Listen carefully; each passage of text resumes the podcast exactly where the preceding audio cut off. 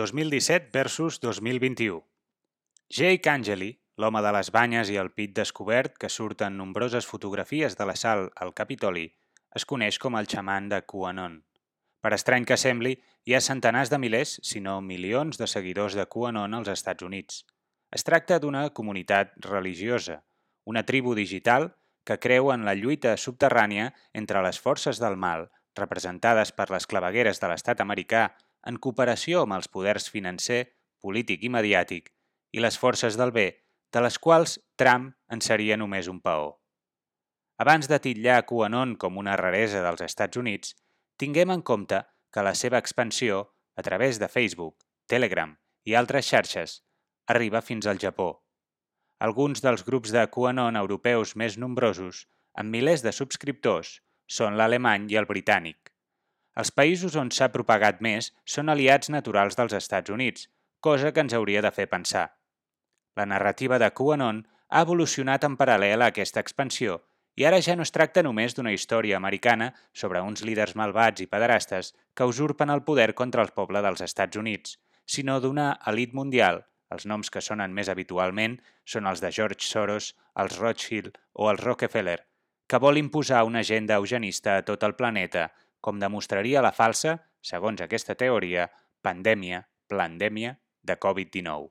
Un gruix de seguidors de QAnon, en realitat, actuen com a fans d'una sèrie.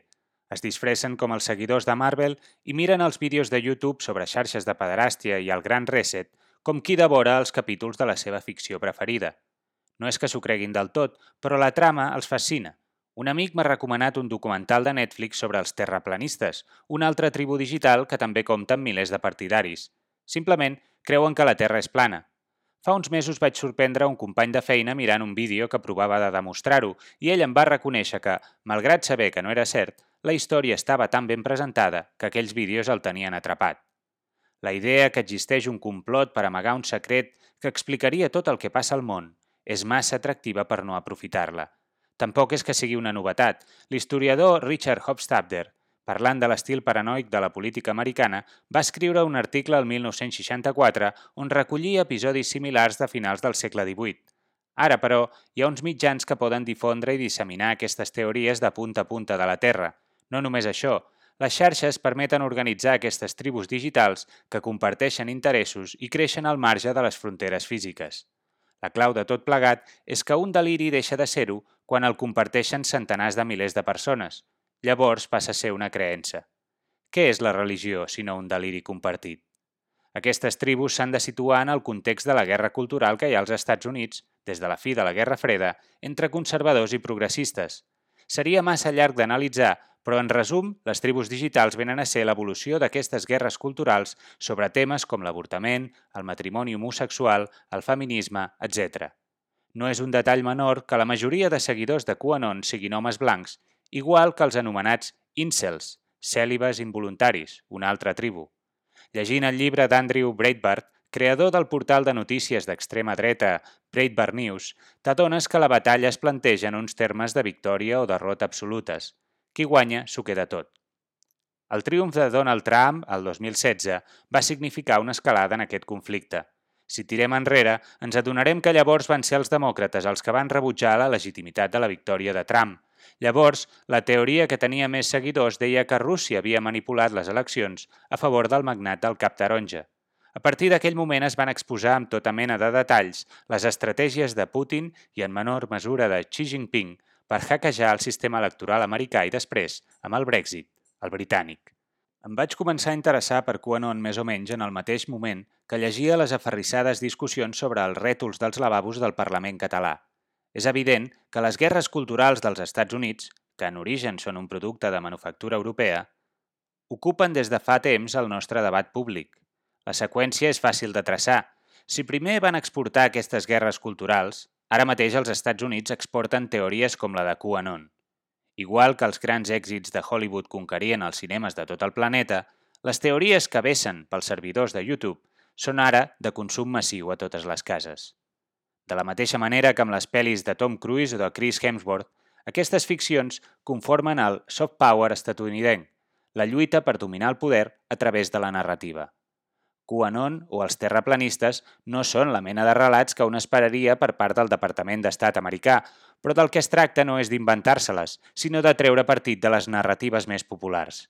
És com si els Estats Units haguessin rebut l'impacte rus i xinès de la disrupció contra el seu sistema polític, l'haguessin digerit i després l'haguessin catapultat, convertit en un merder sideral contra el món sencer. O dit d'altra manera, per guanyar una mica de temps mentre intenten posar ordre amb la vella guàrdia liderada per Biden, els Estats Units procuren treure partit del caos. L'interès que pot tenir un lector català en tot això sorgeix de comparar el 2017 amb el 2021. Amb la pandèmia, la importància de les tribus digitals ha augmentat. Hi ha menys contacte social i, per tant, més interacció virtual. La diferència entre 2017 i 2021 és que llavors els independentistes, enganyats o no, preníem la iniciativa, mentre que ara tots anem a remolc de les narratives exportades pels Estats Units. Per això vaig veure un lema de QAnon pintat en una paret de la meva ciutat i per això la diputada de Vox, Macarena Olona, fa servir una de les seves consignes com a reclam per atreure els seguidors espanyols. Per això, també, els moviments antiracistes intenten organitzar una sucursal de Black Lives Matter barcelonina, o les esquerres catalanes es munten unes pel·lícules fabuloses amb el trumpisme nostrat.